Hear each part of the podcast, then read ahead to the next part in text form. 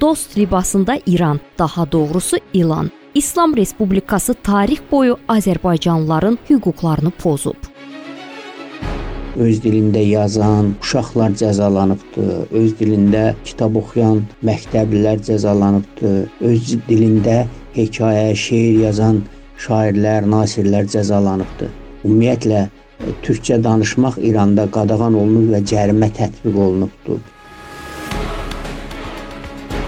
Orta Doğu Araşdırmalar Mərkəzinin sədri politoloq Sədrəddin Soltan bildirir ki, günümüzdə də soydaşlarımızın hüquqları pozulur. Qeyri-fars etnik qrupların milli haqqlarının təmin olunması konstitusiyasında əksini tapmasına baxmayaraq hələ də Azərbaycan türkünün ana dilində bir məktəbi belə yoxdur. Yaxud Azərbaycan türkləri öz övladlarına, dünyaya gəlmiş yeni körpələrinə öz dilində ad qoymağı, o adı rəsmiləşdirmək yasaqdır. Məsələn, siz bir övladınız dünyaya gəlir, onun adını Toğrul, Ərtoğrul yaxud hər hansı türk adı ilə adlandırsaz, bunları yerli idarələrdə sənədləşdirmək, qeydiyyat aldırmaq problem olur və çox vaxt bunu qeydiyyat alırlar. Yaxud sizin bir dükanınız olsa, şirkətiniz olsa, o şirkətə türkcə ad versəniz, məsələn, ulduz, adı versəz, nə bilim, günəş, gələcək, uğur və s. bu kimi adlar versəz, ümumiyyətlə türkçə adlar versəz, o şirkət qeydiyyata alınmır. Mütləq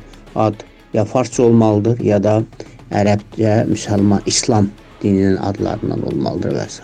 Niyə Cənubi Azərbaycanda soydaşlarımız təhsil ala bilmirlər? İranın qorxusu nədir? İran Tehran hakimiyyəti elə bilir ki, elə zənn edir ki, Azərbaycan türklərinin milli haqqlarını versə, İran parçalanacaq və Azərbaycan İran tərkibindən çıxacaq, yaxud muxtar dövlət olacaq və s. Yəni İran hakimiyyətinin Azərbaycan türkünün dil haqqını tanımaqdan qorxusunun əsasında özünün ərazi bütövlüyü qorxusu dayanır. Bunu İran parlamentində də bu yaxınlarda da səsləndiriblər. Bəyan ediblər ki, bu yaxınlarda İran parlamentinə layihə təqdim olunmuşdu Azərbaycan türkçəsinin məktəblərdə tədrisinə dair. Onda parlamentin deputatlarından üzvlərindən biri bəyan elədi ki, dil haqqının tanınması qeyri-farslara İranın təhlükəsizliyi və ərazi bütövlüyü üçün təhlükədir.